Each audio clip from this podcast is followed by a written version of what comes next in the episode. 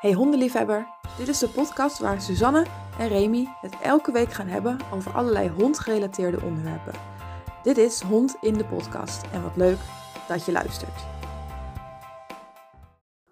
Hey Suzanne, wat voor beloningen gebruik jij? Sta je met droge brokjes op het veld of ben je met een biefstuk aan het zwaaien? Ja, eigenlijk allemaal. Het ligt er een beetje aan wat we gaan doen en wat ik verwacht. Ik gebruik, ik beloon eigenlijk het over het algemeen het meeste met voer, toch? Eh, omdat Ivy wel echt wel voer gemotiveerd is. Eh, en als we makkelijke, makkelijke dingen doen, dan gebruik ik wat drogere brokjes. Eh, of als ik wat gebruik om te snuffelen, zeg maar, meer als afleiding om even tot rust te komen, gebruik ik normale brokken ook. Ehm, maar als we echt moeilijke dingen moeten gaan doen, of de afleiding is heel hoog, dan moet ik echt wel met iets beters komen dan mijn droge brokjes. Dus dan gebruik ik dingen waar meer geur aan zit of meer smaak aan zit. En als ik echt iets heel moeilijks vraag, dan moet ik wel met een tube smeerkaas aankomen zetten. Ehm, maar soms is dat ook niet genoeg. Uh, als ik haar bij me wil houden, dan is voer echt een hele mooie. Maar op het moment dat ik haar van me af wil laten werken, dan gaat voer dus niet helpen, omdat het voer bij mij is. Ja. Uh, dus bij de hoepers bijvoorbeeld heb ik een, een, een ja, het is een lotusbal omdat daar dan voer in kan. Um, maar als ik haar van me af wil hebben, dan gooi ik op een gegeven moment gewoon die bal. Als het goed gedaan is of als een end op weg is. Zodat ze in volle vaart achter die bal aangaat. Nou, dat gaat dan prima. En dan komt ze die uiteindelijk dan wel weer terugbrengen. Dan krijgt ze bij mij alsnog de voertje. Ja, precies. Maar dan is in eerste instantie is het, is het gooien van die bal en het achterna zitten van die bal. Is voor haar motivatie genoeg om verder en sneller van me af te gaan. Ja, dus je hebt en voor en een speeltje. Ja. ja. Jij? Ja, mijn honden doen niet heel veel met speeltjes.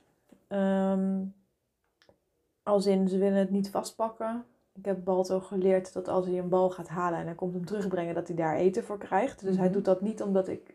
Hij doet dat niet om de bal. Hij doet het voor het eten. Maar het, de bal is een middel om bij het Eten te krijgen, komen. ja, dus het is zeg maar hetzelfde trucje dat het zitten af, liggen, af en Mhm. liggen is, zeg maar. Ehm, Jana vindt wel een speeltje met echt een soort konijnenhuidje eraan en een lang touw. En ik zelf zit eraan te denken om er eh, een zweepje aan te maken. zodat ik, zodat ik, ja, geen nee, een echt konijn aan te hangen. Er was zo'n bloedstreep op het veld. Nee, nee, ja, nee, om aan dat speeltje om een, een zweepje eraan te hangen. Zodat ik het echt als een soort Longeer. longeerverhaal Ja, ja. over Ja. de grond heen kan halen.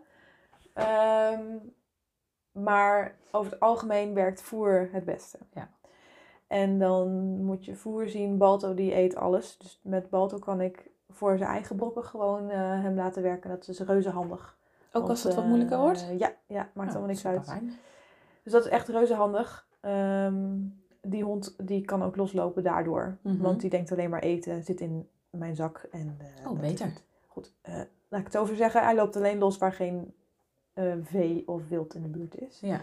Want als hij wel in ree zit, is hij daar achteraan. Hè? Want dan gaat het een stukje vlees gaat op pootjes dan Ja, door het bos heen. Maar over het algemeen eh, is hij heel erg voer gemotiveerd. Ja. Dus ik, ik kan wat ik noem creatief voeren met hem. Dus hij krijgt wel gewoon eten, maar eh, heel veel daarvan zit ook gewoon in mijn zak. Ja. Jana is een ander verhaal. Die heeft heel veel, eh, heel vaak en snel spanning en wil dan niks eten. Ook gewoon in huis eet ze moeilijk. Is gewoon een hele Mhm. moeilijke eter. Van de week wilde ze weer eens niet eten. En toen had ik de bak naar de keuken gehaald weer.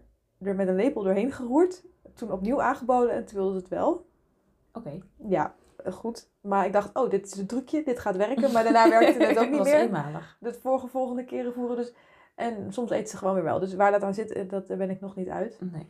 Dus met voer is met haar lastig. Maar waar ik heel erg merk, is dat zij heel erg waarde hecht aan een sociale beloning. Dus Wat doe je daarmee? eh, heel erg tegen haar praten. Ja. Oh, hond, goed gedaan. Oh, jij bent super. Nou, dat. Mhm.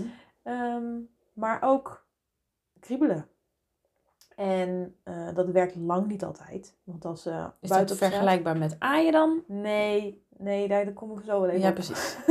nee, nee, nee, want aaien willen eigenlijk heel veel honden niet. En dat is ook wat ik met Jana wilde zeggen. Als zij op, op straat een andere hond ziet, dan ben ik uit de oog verloren. Mhm. En dan eh, wil ze ook niet gekriebeld worden of wat Nee. ook.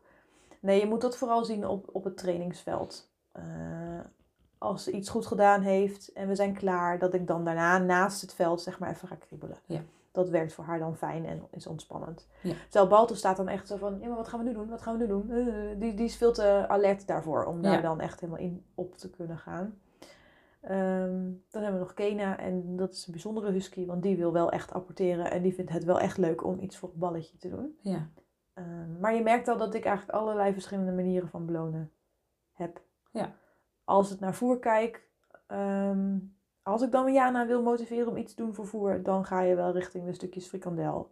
Richting de, ehm, nou ja, bijna vleesjes echt wel eh, eten, zeg maar. Ja. En het lullige bij haar is dat de ene keer werkt het een en dan de volgende dag denk ik, oh ik heb het gevonden hè, en dan wil ze dat weer niet. Dus het is, eh, Maar met, met frikandel belonen, want ik, ik hoor wel eens vaker hè, dat mensen best wel iets van voer willen geven, maar dat ze niet gelijk op de frikandellen en de kaas willen overstappen. Ja. Ehm, ben je bij die frikandel gekomen omdat dat gewoon hetgeen is wat ze het lekkerst vindt? Of ben je te snel gegaan in het opvoeren van je beloningsgradatie, waardoor je uiteindelijk niet meer zo goed terug naar beneden kan? Daar, daar heb je een heel goed punt. En dat is een hele goede vraag. En ik zou dat eigenlijk met Jana niet weten. En waarom ik dat met Jana niet weet, is omdat ik haar als pup niet zelf heb opgevoed. Mhm. Ze heeft ook geen puppycursus gevolgd. Ze is eigenlijk gewoon echt als sledehond opgegroeid. Ja. Ehm, dat maakt ook waarom zij buiten tijdens gewone normale wandelingen spanning heeft. Mhm. Want ja, daar lag de focus niet op toen ze pup was. Ehm, dus daar is weinig mee gedaan. Ja. En eh, dan zit het dus... Nou goed, ik denk dus dat ik die vraag wel kan beantwoorden. Niet zozeer in de opbouw ervan. Van dat ik al bij Puppy met frikandel begonnen ben. Maar zij is zo afgeleid door alles in heel de wereld. Dat ehm, haar neus toch zo dermate geprikkeld moet worden. Wil ze op dat eten letten. Ehm, Dat die sterke beloning dan nodig dat die no- nodig is, ja. Ja. En ehm, dat heeft dus alles met haar spanning te maken. Ja, precies. Bij Balto maakt het dus geen ene reet uit.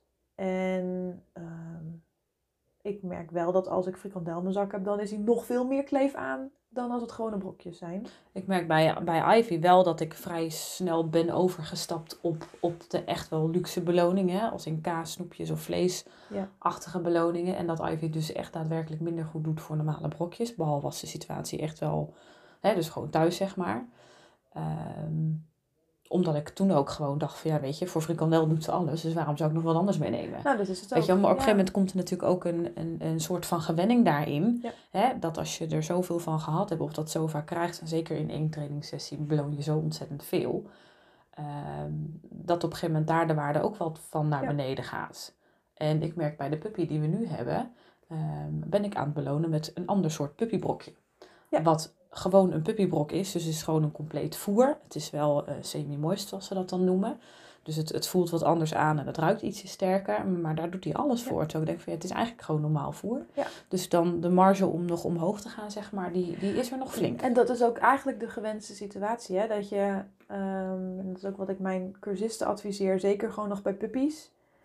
Kijk of je met zijn eigen voer kunt belonen. Kijk of je met een ander puppyvoer kunt belonen. Dus dan ga je variëren in een andere soort voeding. Ja. Maar als het, daar, als het gewoon een complete voeding is, dan is het dus niet erg als je eh 50% in het bakje geeft en 50% tijdens de wandeling. Nee. Want geef je 100% voeding, s ochtends zeg maar, en daarna komen tijdens de wandeling nog allerlei snoepjes en weet ik wat bovenop, Krijgt hij veel te veel. dan krijgt hij veel te veel. Ook als je wel gedroogd vleesjes meeneemt. En Mhm. wel ook, of ook als je gewoon wel, ehm, nou, tussen aanhalingstekens, gezonde voertjes gebruikt, eh, beloningen gebruikt. Ja. Dus daar moet wel een soort, ehm, ook op voedingvlak, een soort bewustzijn in zitten. En zeker, je kunt altijd omhoog. Je kunt altijd up- upgraden. Ja. Maar als jouw hond eenmaal gewend is aan frikandel, is het heel lastig om hem weer terug op zijn eigen voer te krijgen. Om Ja. mee te trainen. Precies. Of op compleet voer.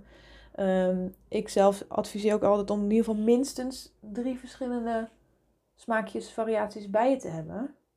Ehm, en het liefst nog gewoon lekker door elkaar heen. Dus dat je bent een oefening Als in überhaupt gewoon verschillende voertjes of Ja. qua gradatie. Het kan gradaties zijn, kan ook verschillende. Kijk, als je hond alles al op nummer 1 heeft staan, hè, dan kun Mhm. je wel drie verschillende gradaties meenemen, maar dat maakt dan natuurlijk niet heel veel uit.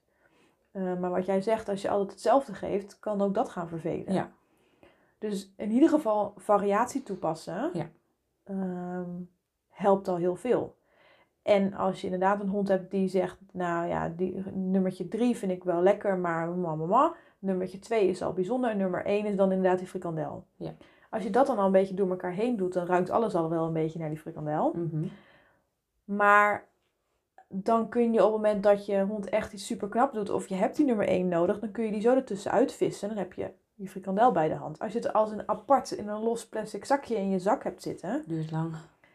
Dan- dan, ben je of je hond al kwijt of het moment is al voorbij. Ja. Of het, dus dat is veel te lang. Ja. Dus ik adviseer eigenlijk, flikker alles maar gewoon in je zak of in je beloningstas of in waar je het ook wil hebben. Eh, ik ben heel erg fan van, van die buideltasjes. Om daar je voertjes in te doen. Waar je in knijpt dan? Of... Nee, gewoon zo'n heuptasje. Oh, gewoon een heuptasje. Ja. En ehm, ja, die, wat je zegt waar je in knijpt, tubers kunnen ook heel goed helpen. Ehm, ja, ik bedoelde eigenlijk dat, dat, dat siliconen ding wat je had. Oh ja, ja. Dat ik. ja. De siliconen ja. heuptasje. ja.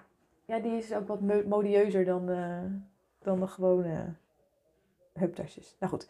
Eh, nee, de, wat, wat ik dacht dat jij bedoelde was de tubus. Ja. Waar dan paté of dergelijke Mhm. uitkomt. Of inderdaad smeerkaas. Ehm, dat werkt ook heel goed. En dat is ook fijn in de kou. Want als je koude vingers hebt en dan hondenspeeksel en dan nog eens proberen je vingers te bewegen, dan is dat heel naar. Eh, maar in zo'n tube kun je natuurlijk een beetje knijpen, dan likken ze dat eraf. Ja. En het gaat dan echt maar om likjes. Net zoals met de voertjes, hè, het gaat echt maar om, om kruimels. Als ik een frikandel gebruik, dan snij ik hem in 180 stukjes. Heb je het geteld? Ja, Oh, want ja, ik heb het echt geteld. Pittig, pittig. Ja. Ja. Ik doe hem dan twee keer in de lengte. Dus dan heb je zeg maar partjes van vier. Mhm. En dan, ja, heel smal. Ik weet ik denk dat ik ook wel aan 180 Maar dat, dat is inderdaad eerst door de helft, dan die bij de helft en nog een keer door de helft. Dus dan heb je in kwarten in de lengte en dan... Ja. eh, Ja, aan één frikandel. Ik heb soms een halve frikandel. Is al Een meer halve dan genoeg. frikandel heb ik meer dan genoeg. Ja. En, ehm, want dat, dat zie ik dan ook wel eens, hè. Dan, dan mensen met, je hebt, van die mergpijpjes en dan die koekjes Ja. daarvan. Dat zijn flinke dingen. Ja, en hard ook. En hard ook, maar dat maakt er nog niet uit. Maar dat, dat is zo groot, dat je er daar maar vier van kwijt kunt in je zak. Ja. niet echt vier, maar... en de hond met, met vier happen ook zijn zijn buik al vol. Terwijl het gaat echt... Overigens kunnen die wel handig zijn als je voertjes wil gooien en ze moeten het zoeken omdat je ze van je af wil hebben of weet ik wat. Dat dan zijn groter zijn. groter wel weer Ja. makkelijker. Ja. Maar als je echt wil belonen en je wil dat veel doen. En om, ja, ik, ik merk toch echt dat vlot achter elkaar. Kleine beetjes is echt, werkt veel beter dan één keer een groot of Ja. veel. Hapslik weg, dat is echt voldoende. Ehm, ja, dan is zo klein mogelijk is beter. Ja. Maar goed, we hebben het over belonen dan en we hadden het ook een beetje over aaien. Hè? Ja. En, eh, er zijn nou best wel veel mensen ook die, die het aaien als hun beloning zien. Hè? Wat ik veel zie op het trainingsveld is dat de mensen eh, eh, eerst hun hond belonen met voer. Ja. En daar vervolgens nog eens een keer achteraan aaien. Ja. Terwijl je best wel vaak ziet dat honden dat niet per se heel leuk vinden. Nee, nee. En wat mijn, als je zou vragen wat is een goede beloning, en dan is mijn antwoord één, de hond bepaalt het. En twee, hij wil er meer van. Mhm. Dus de hond wil meer van dat wat jij hem biedt. Ja. En dat kan dan eh, het spelletje zelf zijn. Dus als je een agility freak hebt, een hond die echt heel graag behendigheid wil doen. Die dus ook moeite hebben met wachten. Dus dat is dat je ze neerzet en dat ze even moeten wachten Mhm. gewoon dat parcours nemen is dan al zeg maar leuk genoeg. ja. Ehm, dat, en dan, dan heb je het over will to do. Je zou het, eh, we hebben eerder een podcast opgenomen over will to please. Nou ja, die honden zou je onder will to do kunnen schalen. Ehm, dan krijg je will to eat. Nou, dat spreekt aardig voor zich, hè, dat ze willen eten. Ja. Dan heb je will to play. En dan heb je het ook wel echt samen over samen even spelen of een Mhm. bal willen hebben. Of in ieder geval iets, iets met spel. En dan komt er dus een speeltje Ja. in beeld. En dan heb je will to connect, zoals ik het dan noem. Mhm. En dan gaat het over aandacht. Sociale beloningen. Honden zijn sociale dieren. Die willen ook graag bevestiging dat ze bij de groep horen, dat ze erbij horen. Gezien Compli- worden. Ja. Complimentjes ontvangen. ja. Maar de valkuil die daarbij zit, is dat mensen dan denken hij wil ook aangeraakt worden. ja. En dat is echt niet altijd het geval. En dat kun je zien door op het moment dat je aan je hond zit, dan gaat die kop een beetje naar beneden. Sommigen draaien hun hoofd weg. Sommigen lopen ook gewoon weg. ja. Ik heb wel eens een filmpje gezien, dan wil iemand wil dan zijn hond belonen met een aai. Maar die moet eerst fysiek zijn hond bij zich houden ja. om hem te kunnen aaien. Om hem dan dus te kunnen belonen. Wat eigenlijk dus gewoon een correctie is. Dan gaat het dus echt iets totaal tegenovergesteld. Ja, weet je, als de hond het niet wil, die denkt de volgende keer, doei, dit gaan we niet nog een Dat keer kan doen. gebeuren, ja, ja. ik ga Dat niet nog een keer doen wat jij vraagt. Dat als jij zit aan het trainen bent en een hond heeft er echt een hekel aan dat je aan hem zit. En dat zeker bij honden en mensen waar nog geen relatie tussen zit. Ja. Dus die eerste puppyweken of die eerste weken dat je de herplaatser in huis hebt. Mhm. Je bent gewoon een vreemde voor hem. Ja. En dan gaan we allemaal aan hem zitten en eh, dan denkt die hond, "Ugh, dit was niet leuk. Kriebels. Hè, zo. Dan ga ik de volgende keer niet nog een keer doen, want Nee. dan gaan ze gaan samen zitten. Ja. Dus dan ben je eigenlijk het zitten aan het afleren dan aan het aanleren. Precies. Ehm, en voor ons voelt het dan gek, hè? Want wij denken, ja, maar ik corrigeer hem niet. En Het was, het was liefdevol, hè? Ja, ik ik dat ben heel aardig voor niet- hem. Je kunt het niet dwingen. Nee, Je kunt het niet afdwingen. En je hond moet daar zelf behoefte aan de hebben. mens bepaalt niet wat, wat, wat voor de hond een beloning is. Nee. Ik denk dat veel mensen dat wel graag willen. Ja. Hè? Want nou, ik geef hem toch voer, dat is dan toch zijn beloning. Ja. Het is de beloning waar hij het mee moet doen. Maar zo werkt de wereld niet. Nee, en, en de hond die moet het als beloning ervaren. En Ja. als dat niet het geval is, dan kunnen wij wel besluiten dat hij, dat hij het inderdaad moet doen voor die frikandel. Maar stel hij heeft een of andere voedselallergie of weet ik veel wat. En hij krijgt gigantische buikpijn van die frikandel. Geen idee of honden dat zo aan elkaar zouden kunnen linken. Maar Met stel, voer wel, Ja, dat heb ik ergens Oh, gelezen. ja. interessant. Ja. Ja. Maar hè, dus dat, dat ze denken, ja, maar dit is niet goed voor mij. Dit is geen goed plan. Ja, dan, dan, gaan ze, dan werkt dat dus ook niet. Hè? Nee. Want ze moeten daar wel harder voor willen werken. De leerprincipes zijn ook dat beloond gedrag is herhaald gedrag. Maar Ja, als de hond het niet als beloning ziet, Nou ja, en dat is het ook. En, Dan en de het hond, niet de hond bepaalt of het een beloning is of niet. De hond Ja. bepaalt of het een correctie is of niet. Ja. Want dat werkt andersom dus ook. Jij kan wel zeggen, ah joh, ik mopper op hem en dan doet hem niks. Maar als jouw hond vervolgens, als jij weer moppert, in elkaar duikt, dan doet het dus wel degelijk wat. Ja. En dat hoeft lang niet altijd zo duidelijk te zijn. Nee. Ehm, maar goed, dan hebben we het dus over aaien. Maar dat betekent dus natuurlijk niet dat we nooit aan de hond mogen zitten. Ehm, mm, en wat ik de voorwaarde vind om überhaupt al in te schatten of een hond aangeraakt wil worden of niet, is dat er een bepaalde mate van ontspanning moet zijn. En ik maak altijd zelf het voorbeeld dat, stel jouw partner die is heel hard druk aan het werk, hij of zij, en eh, achter de computer of weet ik veel wat aan het doen. En jij denkt, goh, ik heb wel even lekker zin in een soort knuffelpartij. Hè? Ik wil Mhm. even lekker aan elkaar zitten. Ja, Nou, denk maar dat je partner je wegstuurt hoor. zeker. Tenminste, als ik druk bezig ben en er kruipt hier een op mijn schoot, zeg ik ook alle tyfus even een eind op. Ja, Meestal wel toch, ik ben bezig, laat me met rust. Ja. Straks. Straks. Ehm, Betekent niet dat je het nooit wil. Nee, maar er moet ontspanning voor zijn. Ja, Ehm, Er moet ruimte voor zijn. En honden, zeker buiten, dat is waarom het is echt een verschil tussen binnenshuis en buitenshuis. Het is echt een wereld van verschil. Ehm, zijn de honden toch niet altijd even ontspannen. Niet zoals wij denken dat ze zijn. Nee. Ze zijn alert. Betekent niet dat ze gespannen hoeven zijn. Hè? Dat is meteen natuurlijk het een en het ander. Maar dat ze meteen compleet vol van de spanning staan, dat hoeft ook weer niet zo te zijn. Maar hun mentale status, ik noem het maar even zo, Mhm. is wel degelijk anders dan dat ze ondersteboven op de bank liggen. Ja. Want eh, wat voor geurtjes ruik ik? Eh, kom ik honden tegen? Oh, een auto, daar schrok ik van. Nou, eh, Ja. vul maar in. En ik heb wel eens begrepen hè, dat geur is emotie. Want geur, zo'n plasje bijvoorbeeld, hoeft niet alleen maar te zijn ik ruik urine, maar ik ruik een reu van teef. Is het een teef? Oh, die is bijna loops. Oh, interessant. Of, oeh, dat is die reu. Dat is die reu van een drie huizen verder. Die blaft altijd naar mij, die moet ik niet. Dus dan merk je al dat als je zo gaat denken, dat bij geur zeker een flinke dosis emotie Mhm. bij komt. Dus als jouw hond net het geur geroken heeft van de hond die hij niet moet, dat hij denkt, oh, die hond Dan is die die moet alertheid een stuk hoger. Ja. Ga hem dan even lekker zitten aaien. Nee, daar heeft hij geen zin in hoor. Nee. Ehm, dan werkt voer of werkt spel wel, werkt wel degelijk beter. Mhm. Maar het is allemaal afhankelijk van wat wil jouw hond. Ja. En ja, ik heb een kroeldoos. Die vindt het wel fijn om gekriebeld te worden op sommige momenten. Ja. Met daar nadruk op sommige momenten. Oh, dat hoef ik bij Ivy op het trainingsveld echt niet te proberen. Nee, Dan ben, ik er, eh, in, dan ben ik er echt aan het corrigeren. Ja, die Ja. denkt echt flikker even Ja. op. Ja, Dit gaan we niet doen. nee, precies. Dus ja, en ehm, heel veel mensen zijn er overigens ook niet van bewust hè, dat ze aan hun hond zitten. Nee. Dat gebeurt gewoon. niet. Ja. Ehm, Mensen dan, vinden het eh, zelf heel fijn.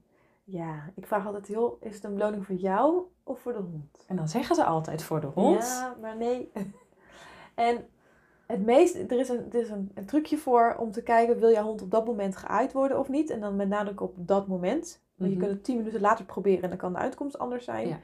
Is dat je je hond kriebelt, je gaat aan je hond zitten. En dan helpt het om dat een beetje op een fijne plek te doen. Hè? Bovenop hun hoofd vinden ze vaak wat, min, vaak wat minder prettig.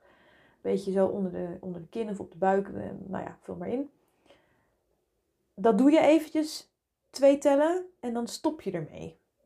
En blijft de hond dan op zijn plek of loopt hij weg, dan wilde hij het, wilde hij het dus niet. Dus dan onderging hij het gewoon. Maar joh, prima, doe maar mens, ik stel me beschikbaar, Ja, raak mij maar aan.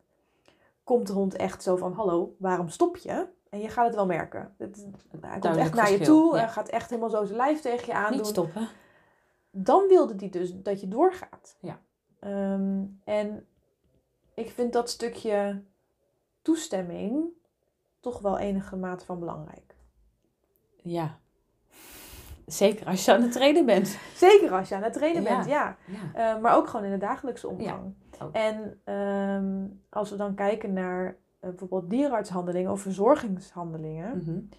zoals oren kijken, tandjes kijken, eh, nagels knippen, ja. veel- dat doen wij allemaal gewoon. Ja. Terwijl de hond dat helemaal niet kent. Hij weet niet wat het is. De eerste keer gaat het misschien nog. En daarna schrikt hij van die nagelknipper die ineens een stuk, eh, nou ja, als je pech hebt, nog in zijn leven knipt ook. Ja, De volgende keer denkt hij, ja dag, ik, die schaar komt eraan, ik ga er vandoor. precies. Terwijl als we dat anders al, en nu gaat het over een heel ander onderwerp, bedenk ik. maar als we dat al anders aan gaan leren en de hond toestemming geven, dan gaat hij daarin meewerken. En dan, dan wil hij, nou ja, dat hij dat wil is misschien een beetje zwaar gezegd, maar Dat hij het oké vindt. dan vindt hij het oké. En dan is het al veel minder strijd. Dan Weet je, wij gaan daar, en dat is denk Ja. ik wel de strekking die je daaruit kan maken. Wij zijn als mensen denk ik geneigd om het maar normaal te vinden dat de hond het prima vindt om aangeraakt te worden. Ja. Terwijl wij natuurlijk ook niet aangeraakt willen worden. En dat gaat over aaien en dus over knuffelen, maar dus ook over verzorgingshandelingen. Ja. Ehm, waarbij je gewoon wel degelijk respect zult moeten hebben voor wat, voor wat de hond vindt. En of hij dat prettig vindt of niet. Weet je, als wij aangeraakt worden door een vreemde, dan vinden we dat ook niet oké. Nee, Weet je wel, als de dokter ons gaat onderzoeken, dan willen wij ook graag dat hij vertelt waar hij aan gaat zitten. Ehm, want we vinden het ook niet oké als hij ons als zomaar ineens- vastpakt Nee, en ineens iets gaat bevoelen. Nee. Weet je, dat is bij honden natuurlijk niet heel veel anders. nee, precies. En juist die verwachting van, joh, ik ga nu aan je, aan je zitten, ehm, maakt het voor honden ook een stukje voorspelbaarder. Ja. Ehm, en in tegenstelling wat mensen dan soms denken, ehm, zorgt dat juist voor meer rust. En niet dat ze dan gaan denken, oh, ik ga zeggen dat ik aan zijn oren ga zitten en dan gaat hij er snel vandoor. Mhm. Maar dan kunnen ze zich erop voorbereiden. Ja. Maar ook dit is weer mooie informatie voor een volgende podcast. Ja, zeker. Precies. Dus Hoe leer je dierenarts Dus, dus trainen? beloningen met, met, met aai of een sociale beloning, zeg maar, eh, kan als je dat oké vindt. Ja, en je gaat merken dat je naarmate je elkaar beter kent en naarmate je weet op wat voor momenten jouw hond waarde haalt uit welke beloning, dat je ook kunt gaan variëren en gaat afwisselen. Weet Ja. je, in het begin, als je je hond net hebt of je begint met nieuwe moeilijke dingen trainen, ehm, dan heb je gewoon nog niet eh, de reserve opgebouwd, of dan heb je gewoon nog niet de, ehm, ja, hoe moet ik dat zeggen, om al te gaan afbouwen, om Nee. al te gaan, om al kieskeurig te gaan zijn op welke beloning je gaat gebruiken. Ja. Los nog even van als honden op dieet zijn of zo natuurlijk, maar ehm, dat komt allemaal later wel. Ja. Als jij iemand bent en je bent van mening dat je hond het maar gewoon moet doen en je bent al zover dat je dan denkt, nou, ik doe het maar gewoon met het voer van mijn hond, maar de hond is er helemaal niks mee eens. Ja, dan houdt het op, dan, gaat hij er niet zoveel van dan, leren. dan gaat het niet heel snel, nee. Nee. En ehm, dat kan een keuze zijn. En, maar dat betekent dus niet dat je de rest van je leven met die frikandel op straat hoeft te lopen. Kijk, ik, ik doe het wel. En mijn honden, mijn jongste is zes, mijn oudste is elf. En toch, voor sommige dingen die eigenlijk wel heel normaal zijn, krijgen ze van mij een voertje. En sommige dingen ook niet. Dat is echt heel goed. Ik doe dat niet. Ik, ik merk dat ik daar zelf in verzaak. Eh, Ik merk dat als ik aan het trainen ga, dat ik heel bewust ben van welke beloning ik inzet. Eh, en wat ik dus allemaal meeneem. Als ik gewoon ga lopen en ik heb een goede bui, dan neem ik mijn beloningen mee. en soms dan denk ik, ah, ik heb geen zin om het helemaal te pakken. We gaan alleen maar wandelen. Weet je, dan zul je net zien dat je op zo'n wandeling, dat je in de situatie terechtkomt dat je denkt, ah, kak, had ik nou toch mijn beloning maar meegenomen. Ja, nou, weet je, en dan moet ik me zien te redden. En dan denk ik, ja, weet je, het is ook allemaal dom, schuld niet. Nee. Weet je, ik had die beloning mee moeten nemen. Net als dat ik drie meeneem. Nou, dat zeg ik eigenlijk, hè. Want dan zeggen mensen, ja, maar dan vergeet ik die voertjes mee te nemen. Ja. Ik zeg, ja, maar je vergeet toch ook de riem niet? Nee, dat is ook zo. Want eh, er zit geen verschil in. Zeker als je gewoon droge voertjes hebt en jij gebruikt een beloningstasje of zo'n heupgordel, tasje, kun je gewoon aan elkaar hangen ook. Hang die gewoon naast elkaar. Ja, je kan het ook Maar aanhangen. Meesten hebben nog zo'n extra... Zo'n ringetje. ja. Dus, maar goed, ehm, ik weet niet hoe iemands leven daarin zit en hoe die, weet je, dus ik snap ook wel dat als je partner ook af en toe de hond uitlaat en die denkt het zal allemaal wel, weet je, dan is het natuurlijk een stuk ingewikkelder dan. Maar ja, je hoeft dus niet de rest van zijn leven, als je begint bij de puppycursus of bij wat voor pubercursussen dan ook, Mhm. hoef je niet de rest van die 10 jaar of 15 jaar of hoe lang je hond ook mag leven, met die frikandel te lopen. Op het moment dat iets erin zit, iets is een gewoonte geworden, dan kun je gaan afbouwen, kun je gaan variëren, kun je eens een speeltje gaan inzetten. Er zijn ook echt manieren om, als jouw hond niks met speeltjes wil doen, of in ieder geval weinig, want helemaal niks wordt lastig, maar weinig met speeltjes wil doen, om dan dat toch interessant te maken. Wat ik al zeg, Mhm. ik heb Balto geleerd om een bal terug te brengen. Ja. Ehm, da- zodat je ook een, een, een breder repertoire krijgt van heel smal naar alleen maar ene, nou laten we frikandel dan als voorbeeld nemen, naar steeds breder, breder, andere voertjes, andere speeltjes. Hè? Dus dat je steeds meer variatie kunt gaan toepassen. Dat, dat kan gewoon. Mhm. Maar ja, dat kost eh, tijd en moeite. Want eigenlijk het hele leerproces kost tijd en moeite. Hè? Ik bedoel, Ja. honden is geen robot. Net als Nee. dat mensen en kinderen, weet je, alles moet geleerd worden. En dat kost, dat kost ook gewoon tijd. Ja. Wat nou als honden helemaal niet op voer reageren of met speeltjes? Ja, en meestal zit daar dan een emotionele reden onder. Kijk, het kan natuurlijk zijn dat ze echt niet voer gemotiveerd zijn of echt niet spel gemotiveerd zijn, maar ehm, vaak zijn honden die niets met spel willen doen. Of het zit niet in ze om iets in hun bek te pakken. Nou ja, sledehonden hebben dat, dat is nooit geselecteerd dat ze iets moet, in hun bek moesten pakken. Dus dat, dan moet daar al echt een jachtcomponent in zitten. Wil ze Mhm. iets, iets gaan vangen. Ja. Ehm, herders hebben dat bijvoorbeeld een heel stuk makkelijker. Ja. Soms iets te veel. eh, dat ze dingen willen bijten. Ja. Ehm, maar je ziet ook wel heel erg verschil in hoe pups opgegroeid zijn. Of ze geleerd eh, hebben om te spelen, bedoel je? Ja, en dan gaat het, al- begint het al in het nest. Mhm. Zijn daar al speeltjes? Ja. Zien ze daar al moeders met gekke dingen doen? Of Ja. gewoon maken ze daar al kennis dat spel meer is dan alleen maar met elkaar spelen? Ja. Ehm, en vaak willen ze als puppy nog wel spelen, maar wordt dat misschien niet gedaan. Mhm. volwassen honden, ja, die spelen ook een stuk minder dan jonge honden. En zeker als je dat niet aanleert, zeker als je dat niet bevordert, Mhm. is het een heel stuk moeilijker om die dan alsnog aan het spelen te krijgen dan wanneer die, ja, dat er gewoon nog in zit. Ja. Eh, dat unifiele gedrag, dat, daar hoort gewoon spel bij. En op het moment dat ze, want spel is eigenlijk oefenen van dingen voor later. Ja. En als je volwassen bent, hoef je dat niet meer te doen. Nee. Ehm, als je er dus geen plezier uit haalt. Eh, dus daar begint het dan vaak al mee. Dat dat dus niet, ge, ge- ehm, niet bevorderd wordt als ze pups zijn of jong zijn. eh, als we het over spel hebben. Kan ook zijn dat er een negatieve ervaring is. Dus dat dan eh, het een heel gevoelig hondje is. En dat ze dan eindelijk misschien een speeltje vast durven pakken. En dat dan de eigenaar misschien heel hard los Ja, zijn ze precies. tegelijkertijd. Ja. Dus dat ze daar dan helemaal laplazers van schrikken. Dat die denken, oh, ik raak nooit meer wat aan. Ja. Of een eigen die er continu overheen gebogen staat. Of nou, vul allemaal maar in. Hè. Dus dat daar gewoon een slechte ervaring in Ja. eh, komt. Ehm, en als we het over voer hebben, zie je vaak dat als honden gespannen zijn, dat ze dan geen voer meer aannemen. Ja. En dat komt simpelweg omdat het spijsverteringsstelsel zegt, ik ben even niet belangrijk. Er gaat geen energie naar mij. Mhm. Ehm, dus er komt niks in. En alles wat erin zit, komt er ook vaak uit. Dus dan krijg je dat eh, honden ontlasting hebben die een beetje gelei-achtig is. Zeker de laatste restjes, want dat is gewoon nog niet af. Nee. Ehm, en dat is ook waarom sommige mensen hun hond echt goed hebben uitgelaten voordat ze op het veld zijn bij een hondenschool en dat de hond daar dan toch nog poept. Ja. En als ze dan zeggen, oh, maar ik had hem echt goed uitgelaten, ik geloof je echt, maar het hoort er gewoon bij. Ja. Ehm, hetzelfde geldt overigens, maar dan hebben we het echt over eh, poep en plas. is dat als honden heel veel gaan markeren en gaan plassen. Mhm. Dan, ook dat is een stressreactie. Eh, dus iets niet willen eten ehm, heeft dus ook echt een emotionele respons. Mhm. Van joh. Het spel geldt er trouwens ook. Hè? Als ze zich niet veilig en niet prettig voelen, dan is spel best wel een intiem iets wat je lang niet altijd overal durft. Nee. Ehm, Maar in dat geval kun je vragen welke beloning dan, hè, dan nog wel zou helpen. Dan, dan, dan zul je waarschijnlijk gewoon een stapje terug moeten in je training of in, in de, in ja, de prikkel of in gewoon, de... gewoon even de omgeving, geduld ja. hebben. Even vijf minuten niks doen. Mhm. Vijf minuten? Dat klinkt voor de meeste cursisten denk ik ja. heel lang. Maar gewoon, eh, weet je, mijn, mijn, eh, tijdens mijn cursussen heeft iedereen een stoeltje en een stretcher. En als ik uitleg geef om we gaan beginnen, je begint op je stoel en de hond op de stretcher. En eigenlijk met les 2, 3 hebben al die honden door, joh, als ik hier lekker ga liggen, krijg ik voortjes. En er wordt verder niks van ze verwacht. Eh, er ligt geen druk op, want de eigenaar zit gewoon op een stoel, dus die hangen er niet overheen. Daar gebeurt verder niks.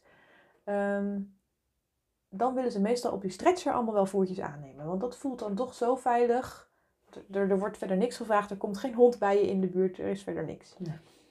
Dat daar de druk van de ketel afgaat. En sommige honden willen dus ook eigenlijk dat hele drie kwartier niet van die stretcher af. Ja. Prima. Joh, als jij dat wil. En dan, aan het eind van de tien lessen komt het echt wel hoor. Ze komen echt wel erover vanaf. Ja. Maar soms willen we zelf ook allemaal zo veel te snel. Dat we denken, nou les 1. Eh, ik heb thuis mijn puppy net acht weken zit geleerd. Dus we moeten het hier nu ook kunnen, doen. Kunnen, ja precies. Maar dat is niet hoe de realiteit werkt. Nee.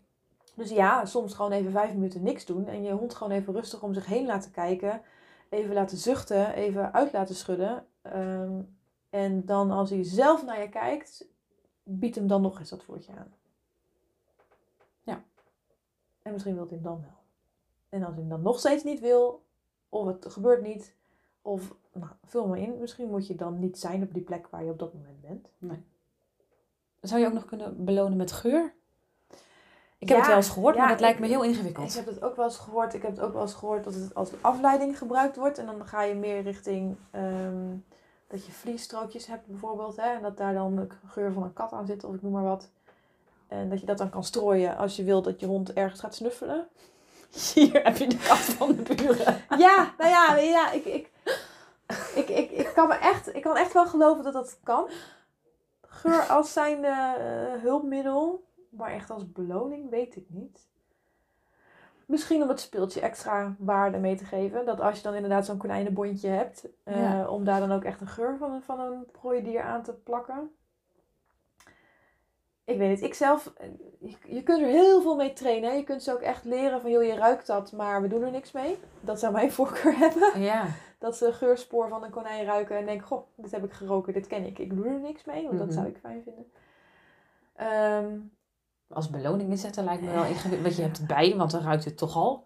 Weet je wel, en dan bied je het aan. Mag hij het misschien even hebben, daarna pak je het weer af. Maar dan ruik je het nog steeds. Je handen ruiken erna, je jas ja, ik, ik, erna. geur is, weet je, in de lessen detectie die ik heb gedaan, die waren ook echt een soort chemische installaties werden dat. Met dat je handschoenen aandeed en potjes waar absoluut geen geur aan mocht komen. Dus die waren ook echt in een andere ruimte dan de geurpotjes. En Ja, dat, daar komt veel meer bij kijken dan gewoon je hond laten speuren naar eh, een geurbron. Ja.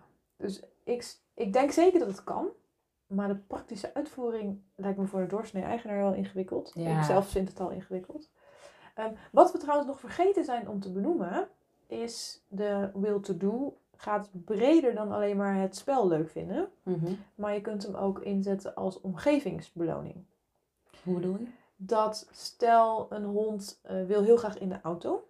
Ja. eh, dan kun je hem eerst iets vragen om te gaan laten doen. En dan de beloning is, nu mag je in de auto. Stel een hond wil graag de tuin in. Dan moet hij eerst iets doen. En daarna mag hij de tuin in. Ah. Een hond wil graag los van de riem. Joh, eerst even iets doen. En daarna mag hij los de tuin in.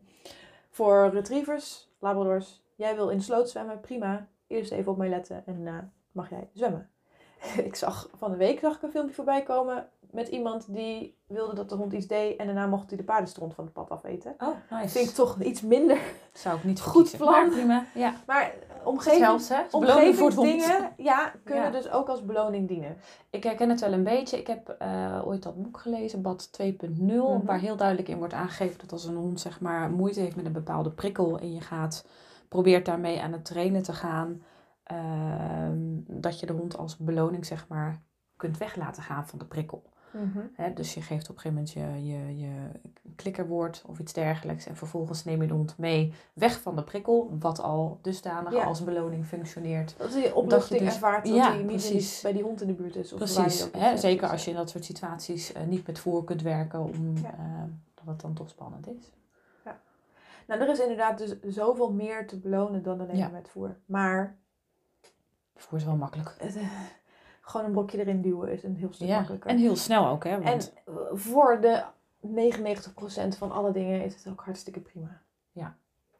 Ehm, ik ben en blij dat we laatst bij een, een, een eh, wat was het, een congres, conferentie, dat er iemand zei van joh, op het moment dat je een gezonde hond hebt, Ja, dan is het niet erg om met kaas en frikandel te belonen. Als hij geen problemen heeft, dan ga je er niks mee kapot maken. bij een volwassen hond. hè. Bij een gezonde volwassen hond. Ja. Ja. Daar was ik wel blij mee om te horen. Dat was ook wel een soort opluchting. Ja, ja. ja en, en goed, die persoon staat goed aangeschreven. Ik denk dat we wel kunnen noemen. Lotte, Lotte, Lotte. Lotte Botter. Eh voedingsdeskundige voor honden, zij zei dat inderdaad. En, maar ze gaf ook wel, haar waarschuwing was vooral, let bij pups op dat het niet scheef gaat in ingrediënten, Ja, en verhoudingen. Van, in verhoudingen. Want eh, gewoon compleet voer is, is afgewegen, afgewogen eh, in verhouding met Mhm. elkaar. Goed, de ene voer is het andere voer natuurlijk niet. Maar als je daar bijvoorbeeld heel veel gedroogd eend bij doet, van één eiwit, één bepaalde vleesbron, zit daar heel veel van een bepaalde stof in. Mhm. Ik, goed, ik ben geen voedingsdeskundige, dus ik weet niet uit mijn hoofd wat daar dan precies te veel in zit. Hadden het over calcium en fosfor. Calcium, fosfor, nou ja, noem maar allemaal dat soort dingen maar. Ehm, dan schiet het ene heel erg omhoog in verhouding met het voer dat je geeft. Ja. Dus ehm, ook daarin is variatie geen slecht plan. Ook daarin is belonen met complete voeding, die dus gewoon gebalanceerd is, Ja, geen slecht plan. Ehm, en ja, gezond is zoiets relatiefs, hè. wat is gezond en wat is gezond voor wie? Hè? De ene hond is de andere Ja. niet. Weet je, als je iemand met een glutenintolerantie eh, een broodje geeft, Dat is heel ongezond. vindt die persoon niet prettig hoor. Nee. Terwijl ik kan prima een broodje eten. Ik vind het alleen niet zo heel lekker. Maar dat is een ander verhaal. Dus, Het, is, het is, nou ja, ik wou zeggen persoonsgebonden, maar het is individuugebonden, zeg maar, Ja. wat de voedingsbehoefte is. Ehm, dus over gezonde Beloningen dat kun, je, dat kun je niet nee. generaliseren, zeg maar. Nee, en als mensen vragen aan mij, ja, waar moet ik nou mee belonen? Dan zeg ik altijd, ja, wat jouw hond lekker vindt. Ja. Ehm, en als je het echt niet weet, stuur ik eigenlijk altijd door naar... eh, nou, ik ben partner van Prins, Prins. Pet Foods, hè. En die hebben dan een hele Oh, mooie... reclame. Ja, reclame. Oh jee. Eh, die hebben een care eh, team. En die kun je dan bellen en dan gaan ze je helpen. Niet alleen maar met voeding, maar met allerlei andere dingen. Ja. En daar, advies, daar verwijs ik dan eigenlijk altijd naar. Omdat die dan gewoon met je mee kunnen denken. Dat, dat zijn voedingsdeskundigen, die hebben die opleidingen allemaal gevolgd. Ja. Ik niet. En ik moet ook eerlijk zeggen, alles medisch-achtig, dat gaat er bij mij in. En dat vliegt er ook zo weer uit. Ja. Gedrag, dat blijft plakken, maar de rest niet. Dus daar waag ik mij gewoon niet aan. Nee. En eh, ik ben van mening dat in Nederland wordt er geen slecht hondenvoer verkocht. Alles wat je kunt kopen in Nederland, daar overleeft jouw hond het prima op. Mhm. Alleen, ja, het ene is gewoon een stuk ongezonder dan het ander. Weet je, ik, ik denk echt niet dat als je alleen maar patat en frikandellen eet en af en toe zo'n slaatje, dat je daar dood aan gaat.